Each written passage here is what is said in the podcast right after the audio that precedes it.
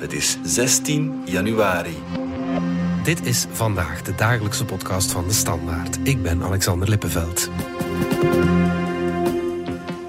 Oorlog in Gaza is 100 dagen ver en de Israëlische premier Netanyahu bezwoer zijn landgenoten dat niemand Israël zou kunnen stoppen. Hamas niet, Iran niet en ook Den Haag niet. Daar buigt het internationaal gerechtshof zich over de vraag of Israël een genocide pleegt in Gaza. Wat kan Den Haag betekenen voor de oorlog in Gaza en waarom is ons land er verdeeld over?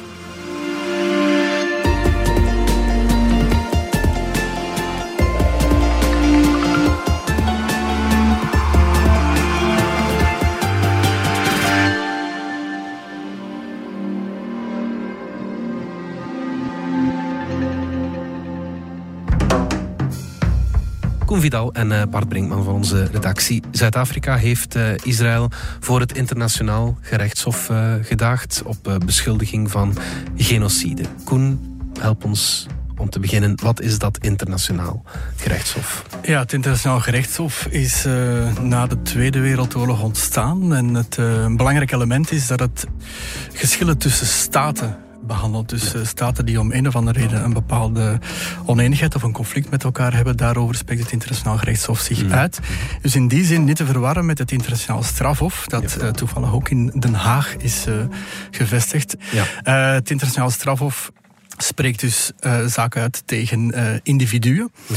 Belangrijk in deze zaak is ook wel dat eigenlijk aan het internationaal gerechtshof uh, hangt een, een heleboel internationaal recht. En met name de genocideconventie van 1948. Ja, ja, ja. En dat betekent dat eigenlijk alle lidstaten van de Verenigde Naties, want het is de hoogste rechtbank van de Verenigde Naties, gebonden zijn aan het naleven van het genocideverdrag. Mm -hmm. En Zuid-Afrika gebruikt dat genocideverdrag als basis voor um, ja. ja. dit proces. Ja, zij verwijten Israël een genocide te begaan in Gaza. Wat betekent dat om te beginnen, die genocide? Even naar de basis. Een genocide is, uh, dat zijn eigenlijk daden die de intentie hebben, dat woord intentie is eigenlijk heel belangrijk, mm -hmm.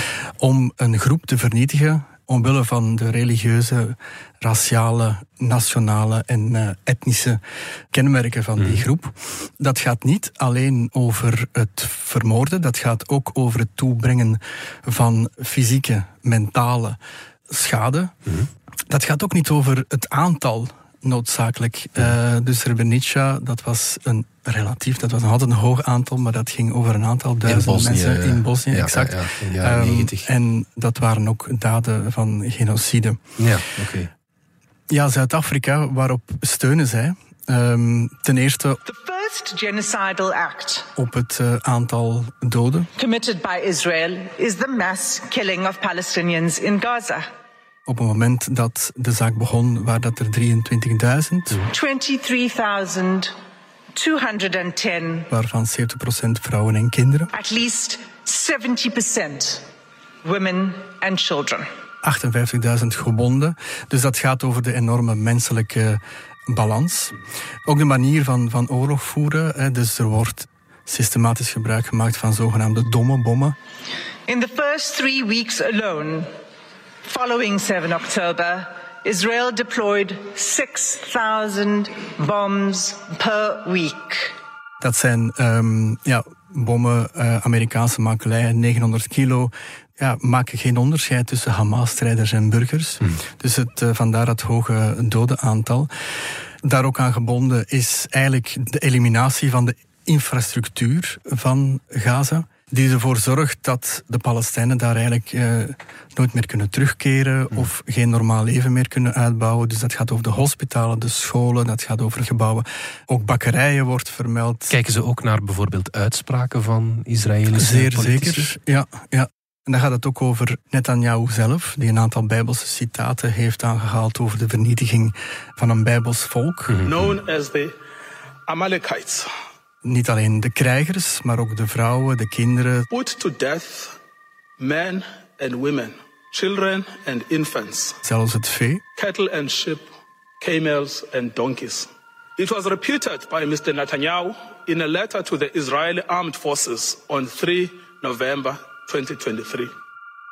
De president Herzog heeft ook een aantal keren gezegd van ja, dit uh, gaat niet alleen over Hamas, dit gaat ook over de bevolking die de moordpartij van 7 oktober toe heeft gejuicht. Dan heb je nog een aantal andere ministers. Uh, die ene minister die het heeft over een uh, gooi, gooi er een kernbom op. Juist, ja. Andere ministers die zeggen van ja, Gaza moet vernietigd worden. De minister van Defensie die gezegd heeft... Uh, het gaat hier over uh, menselijke dieren die we uh, bekampen. En er zal geen Gaza meer zijn zoals we het tot voor 7 oktober gekend hebben. Ja. Gaza moet platgegooid worden. Dus die uitspraken die worden uitgebreid aangehaald door de Zuid-Afrikaanse advocaten. All of these acts, individually and collectively form a calculated pattern of conduct by Israel, indicating a genocidal intent. Zij hebben donderdag dus gepleit. Vrijdag was het aan uh, Israël. Ik kan me inbeelden dat ze alles ontkennen. Ja, uiteraard. Is een goed spa. Olam afoeg. En zij zeggen ook van ja, wij zijn geen militaire acties aan het ondernemen om een bevolking te vernietigen, maar om een bevolking te redden. Dan hebben ze het over de Israëlische bevolking. Mm. Dan grijpen ze terug uiteraard naar 7 oktober. Die aanval van Hamas op Inderdaad. Uh, ja, die ja. nederzettingen. Ja.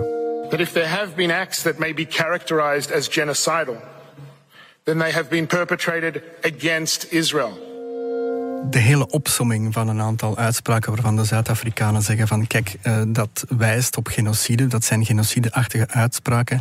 Daarvan zeggen de Israëlische advocaten ja, maar door gewoon een aantal uitspraken op te sommen en ze bovendien uit hun context te halen, ja. bewijs je niets. The entirety of its case hinges on a deliberately curated, decontextualized and manipulative description of the reality of current hostilities. Heb je wel een deel van de Israëlische media die daarover zeggen: ja, ze zijn er wel geweest en het waren wel hooggeplaatsten. Bart, die bewijsvoering is wel heel belangrijk. Hè? Wat minder sterk is in het, in het Zuid-Afrikaanse dossier is natuurlijk als je de intentie wil bewijzen. Mm. Ja, dat doe je natuurlijk het best met geschreven documenten. Iets wat op papier staat, waar een plan achter zit, waar een, waar een vooropgesteld doel achter zit. Wat bijvoorbeeld bij, bij de Jodenvervolging wel gebeurd is. Ja. Wat, wat ook bij de Rwandese genocide aan de oppervlakte is gekomen. Dat zou het natuurlijk makkelijker maken. En dat is hier uh, vooralsnog afwezig. Ja, ja, maar woorden van een politicus in welke context dan ook, die hebben toch een impact. Zeker woorden hebben een impact, maar goed, dan, dan kan de politicus in kwestie altijd zeggen: ja, maar ik heb het eigenlijk niet zo bedoeld. Het ja. is in de woede van het moment dat ik bepaalde dingen heb gezet. Dat is nog iets anders dan een wel omlijnd plan in uw schuif hebben liggen, die gewoon uitwijst op welke manier dat je dat allemaal wil gaan doen. Ja, ja, en dat is natuurlijk, als je de echte intentie wil aantonen, ja, moet je wel in die richting gaan zoeken. Mm -hmm. Ik denk nog iets belangrijker dat moet uh, vermeld worden, want we hebben het nu over dat uh, bewijs dat er een intentie is geweest om een genocide uh, te plegen. Dat gaat over de uiteindelijke uitspraak die we misschien binnen drie, vier jaar gaan krijgen. -hmm. Maar niet noodzakelijk over de voorlopige maatregelen. Ja, ja. Omdat daar de definitie is, er moet um, een soort plausibel risico zijn dat er momenteel een genocide wordt gepleegd. Dus dat is veel zwakker in zijn formulering. En dat is op zich voldoende om binnen drie, vier weken, fijn binnenkort, mm -hmm. voorlopige maatregelen te treffen. En dat is ook wel een belangrijk aspect van misschien het belangrijkste op korte termijn, Mhm. mm -hmm. sowieso, van de Zuid-Afrikaanse case, is dat ze snel maatregelen willen. Ze willen snel een staakt het vuren. Ja. Ze willen snel humanitaire hulp, dus meer humanitaire hulp en minder gescreend. Mhm. Ze willen snel onderzoekers ter plaatse, dus om de case ten gronde te onderzoeken. En ze willen een einde van de gedwongen verplaatsingen, dus een bevel van de Palestijnen in Noord-Gaza om zo snel mogelijk naar het zuiden te gaan, of de mensen die al in het zuiden zijn om nog naar een bepaalde sector te gaan. Dus daar willen zij ook heel snel een einde aan maken. Ja. En dat vragen zij om te doen via voorlopige maatregelen die Ja, wel snel ja. kunnen. Ja. Dus het, het, het gerechtshof, internationaal gerechtshof, kan snel daarover een uitspraak doen. Ja, en kunnen we dan zeker zijn dat Israël zich daaraan gaat houden? Want dat is nog iets anders natuurlijk. Ze hebben nu al gezegd dat ze zich daar niet aan zullen houden. וגם לצפון. אף אחד לא יעצור אותנו. לא האג, לא ציר הרשע ולא אף אחד אחר. Nu, tegelijkertijd, het gaat over het internationaal gerechtshof. Dat is wel, ja, dat is de hoogste rechtbank van de Verenigde Naties. Dus dat is wel iets.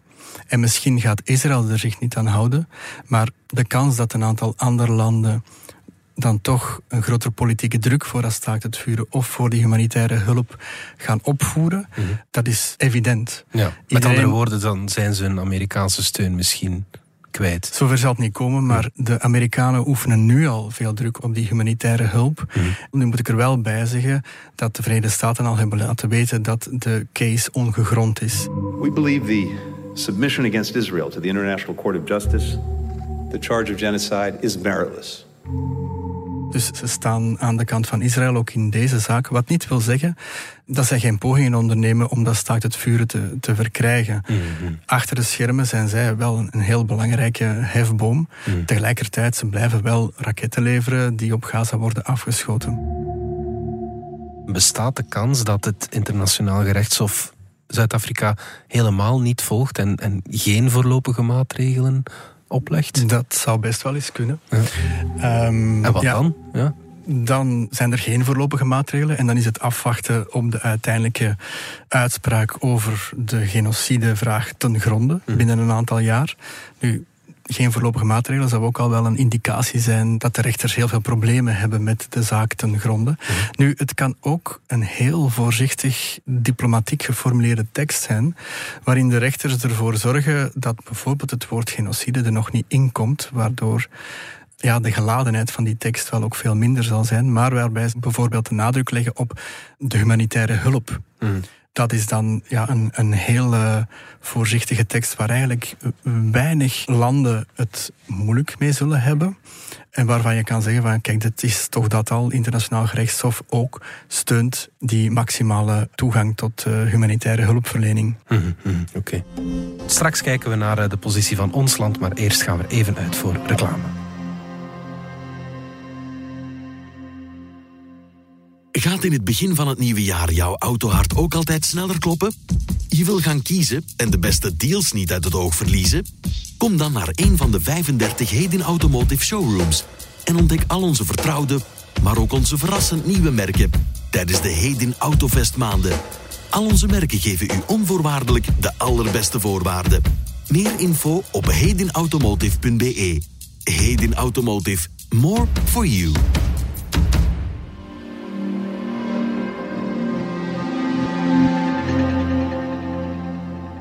Bart, we gaan eh, even naar het eh, parlement. Daar eh, leidde de kwestie tot een verhit debat. We horen Wouter de Vriend van Groen, Vicky Reinhardt van Vooruit en Raoul Hedebouw van PVDA. Wij kunnen niet blijven toekijken op de Israëlische bombardementen op Gaza. Dit lijkt meer en meer op een genocide en daarom moeten wij het initiatief van Zuid-Afrika versterken. Vragen dat er een onderzoek komt naar het risico op genocide en ondertussen in afwachting bewarende maatregelen nemen. Een staakt het vuren, humanitaire toegang tot Gaza. En als wij onze mond niet meer open doen, wie dan wel? Als wij het internationale recht niet meer verdedigen, meneer de minister van Justitie, wie dan wel? Als klein land kunnen we wel degelijk het verschil maken in het Europees buitenlands beleid door de weg vooruit te tonen. Wij gaan met de PvdA volle bak steun zetten op jullie regering, zodat België eindelijk de maatregelen gaat moeten nemen ten steun van het Palestijnse volk. Dat gaan we doen. Petra de Sutter, de groene vicepremier, sprak zich misschien wel het eh, helderst uit op eh, sociale media. België kan niet blijven toezien op wat er gebeurt in Gaza. Het lijkt steeds meer op genocide wat daar gebeurt. En daarom wil ik dat ook ons land, net als Zuid-Afrika, actie onderneemt bij het internationaal gerechtshof. Dat leg ik binnen de regering op tafel. Bart, hoe liggen de kaarten in België, ik zal het zo zeggen? Ja, ik denk dat er toch wel wat mist is geweest over de standpunten die vorige week in het parlement zijn verkondigd. Want dat werd gemakshalve vertaald als we gaan Zuid-Afrika steunen. Dus we gaan ons met andere woorden op dezelfde lijn van Zuid-Afrika zetten. En dat zou een vrij straffe positie zijn, omdat er geen enkel Europees land op Turkije na dat doet. Mm, dus mm. België zou daar wel een voortrekkersrol spelen. Nu, ondertussen is het duidelijk dat er binnen de regering eigenlijk geen plannen meer zijn om Zuid-Afrika te steunen.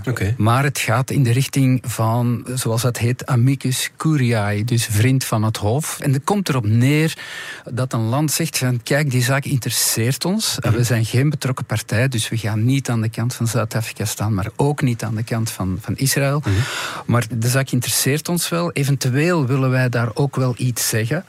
En in het geval van België zou dat zijn dat men vooral wijst op de manier waarop kinderen uh, afzien van de oorlog. Dat ze geen onderwijs niet meer hebben, geen voeding. Met andere woorden, dat ze geen ontplooiingskansen niet meer krijgen. En dan, ja, betekent dat meteen dat België zich ook meteen neerlegt bij het uiteindelijke oordeel van het Hof. Dus, mm, mm. dus je bent geen betrokken partij, maar je bent wel geïnteresseerd.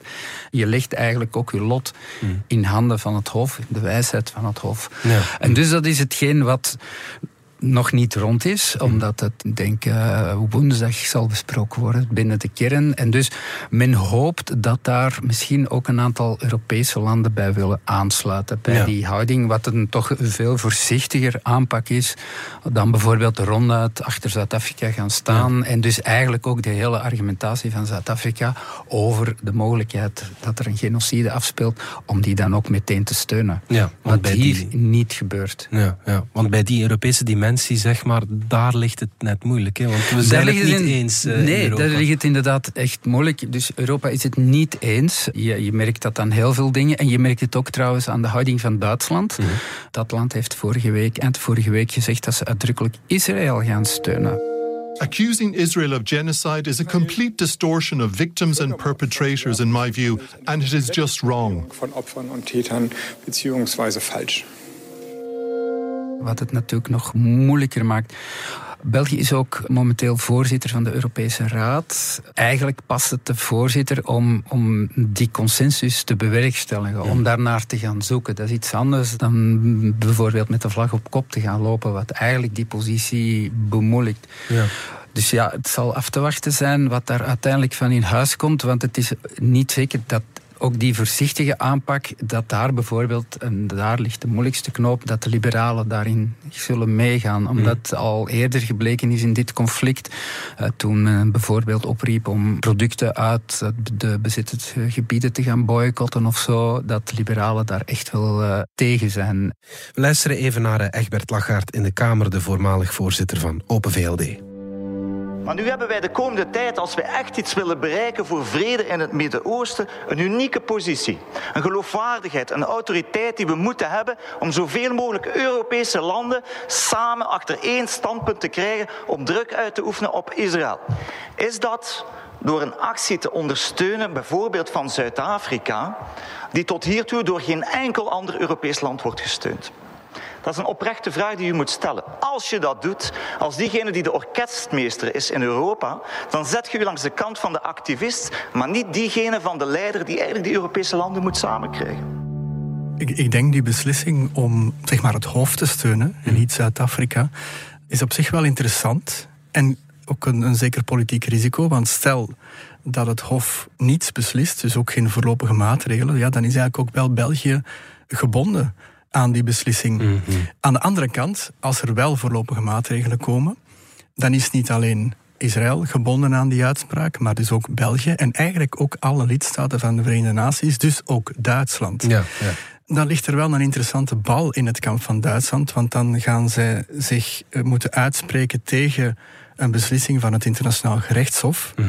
die nog niet over genocide ten gronde gaat, maar bijvoorbeeld wel over humanitaire hulp. Ja, ja. En dan krijgt België misschien wel een, een hefboom in Europa, met ruggensteun van het Internationaal Gerechtshof, mhm.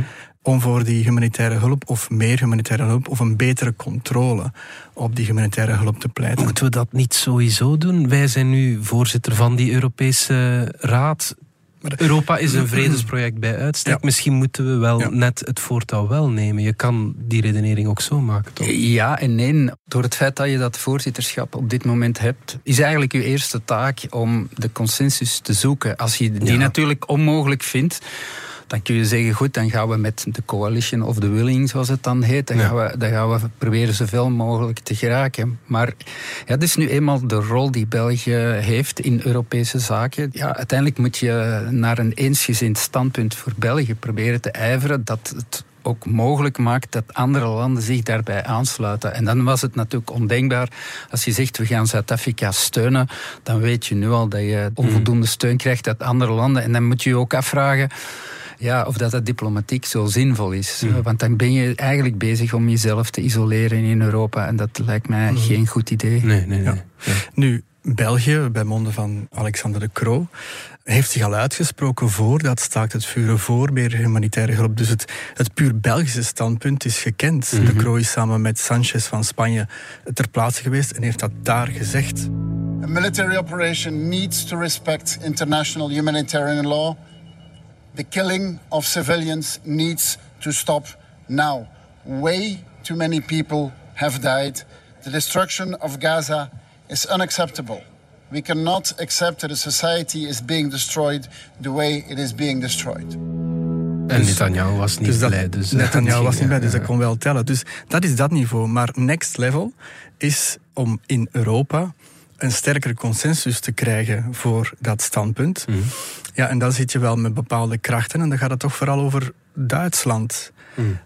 Waar je op een of andere manier, als je dat Europees wil spelen, ga je toch naar Duitsland moeten kijken. En ligt dat Duitse standpunt, is dat ja, gaat dat echt om het verleden, om de Tweede Wereldoorlog? Ja, dat gaat absoluut ah, om, om het verleden. De Duitsers hebben natuurlijk een enorme verantwoordelijkheid. Het is historisch natuurlijk nauwelijks te vatten hoe groot de verantwoordelijkheid is van Duitsland, aangezien ze toch een, een, een, echte genocide georganiseerd hebben op die Joodse bevolking. En vandaar is het natuurlijk voor Duitsland heel belangrijk, eh, vanaf het begin van het ontstaan van, van Israël, ja, dan hebben de Duitsers er ook alles aan gedaan om, om die staat zich te laten ontplooien. Mm. Dus ze, ze, ze voelen een heel sterke historische verantwoordelijkheid om de bescherming van Israël of het voortbestaan, maar toch ook de bescherming van Israël op zich te nemen. Zoals Amerika is Duitsland een zeer trouwe bondgenoot geworden. Mm De geschiedenis verplicht hen daartoe eigenlijk. Ja, mhm. ja, ja, En dat zorgde dan wel ook wel voor dat het land, politiek, maar ook de academische wereld, ook de media, in een soort kramp zijn geschoten sinds 7 oktober. Mhm.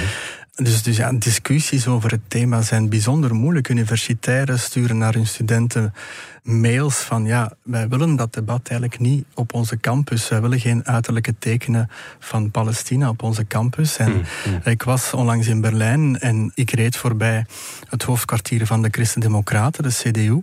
Dat is een enorm uh, gebouw, een soort blokkendoos. En daar langs die hele hoge gevel hing een Oekraïense vlag. Mm. En daarnaast een Israëlische vlag.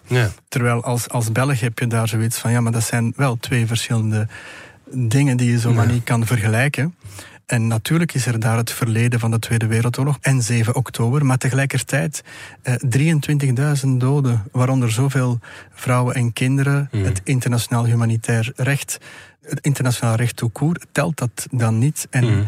is Duitsland momenteel niet in staat om dat debat toch te voeren. Hmm. Het, het, blijft ja, een heel uh, grote vraag, ook vanuit andere Europese landen, van ja, hoe komt dat toch? Mhm. En dan zegt onze minister Caroline Genet dat Duitsland ja, opnieuw aan de foute kant van de geschiedenis uh, gaat staan. En knak zei ze dat. Ja, dat klopt. En natuurlijk, zij heeft nogal wat kritiek gekregen voor die uitspraak, omdat ja, toch een aantal mensen interpreteren dat als een soort gelijkheidsteken hè, mhm. tussen, tussen Israël uh, gelijk aan de nazi's tijdens de Tweede Wereldoorlog. Dat was natuurlijk niet haar bedoeling. Mhm. Haar bedoeling was gewoon van, ja goed, de Duitsers hebben natuurlijk een hele grote verantwoordelijkheid als we naar de oorlog kijken. Maar zij bedoelde gewoon van, ja, je hebt nu eigenlijk ook een grote verantwoordelijkheid. Alleen is die nu anders. En moet je opletten dat je niet opnieuw, zoals in de Tweede Wereldoorlog, aan de verkeerde kant van de geschiedenis gaat staan. Mhm. Nu, ik denk, uh, puur diplomatiek gezien, was dat misschien wat onhandig. Niet omdat het fout is wat ze uh, wilde zeggen. Mhm. Alleen als je verkeerd begrepen kan worden, ja, dan moet je misschien maar iets beter je woorden kiezen. Want het gekke was wel dat de Duitse ambassadeur onmiddellijk reageerde op Twitter. En dat hij in zijn eerste zin eigenlijk toegaf dat de analyse van mevrouw Genet klopte. Mm. Ja, wij hebben een hele aparte verantwoordelijkheid naar Israël toe door de Tweede Wereldoorlog. Dus hij volgde de redenering alleen het besluit dat Duitsland misschien terug aan de verkeerde kant van de geschiedenis zou staan, dat kon hij natuurlijk eh, minder waarderen. En goed, dat is dan weer aanleiding gegeven tot allerlei kritiek, zeker vanuit, vanuit de NVA-oppositie.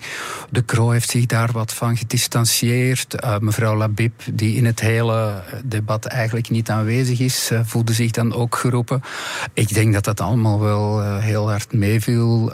ik denk dat de Croo eerder beducht was omwille van zijn rol als voorzitter, mm, uh, dan is dat, ja, ik zal niet zeggen vervelend, maar dat is een beetje ruis op de boodschap. Maar ik denk dat dat vrij snel wordt weggeblazen. Mm, Tot slot, Koen, zijn de Gazanen hiermee geholpen met heel die zaak voor dat uh, internationaal gerechtshof? Dat valt af te wachten. Ik denk uiteindelijk het resultaat telt. Als er een start het vuren komt op een of andere manier, dat is ongelooflijk belangrijk. Als er meer humanitaire hulp komt, is dat ook heel belangrijk. Ik denk dat los van het internationaal gerechtshof, dat de politieke druk ook nog heel belangrijk blijft. Hmm. Nu, over dat internationaal gerechtshof, als daar voorlopige maatregelen komen waarin bijvoorbeeld het woord genocide staat, of aanwijzingen tot, hmm. of een mogelijkheid tot, dan krijg je wel een heel geladen uh, situatie. Dat zal betekenen dat veel regeringen dat woord genocide gemakkelijker zullen gebruiken. Dat ook media het veel gemakkelijker zullen gebruiken. Mm. Dus voor Israël zal dat bijzonder pijnlijk zijn. Ongeacht wat Netanyahu daar allemaal over vertelt, dat hij geen acht wil slaan op uh, wat het internationaal gerechtshof te zeggen heeft, maar dat het woord genocide gebruikt wordt in het kader van Israël. Mm. En Israël niet als slachtoffer, zoals na de Tweede Wereldoorlog, maar als dader, zoals in dit geval, mm. dat is bijzonder pijnlijk. Ja. Mm. Confidant, Bart Brinkman. Dank jullie wel. Dit was vandaag de dagelijkse podcast van De Standaard. Bedankt voor het luisteren. Volg ons op Spotify, Apple Podcast of eender welk ander podcastplatform. In onze gratis FDS podcast kan je niet alleen ons werk beluisteren, maar ook de beste podcasttips terugvinden. Alle credits van de podcast die je net hoorde vind je op standaard.be-podcast. Reageren kan via podcast.standaard.be.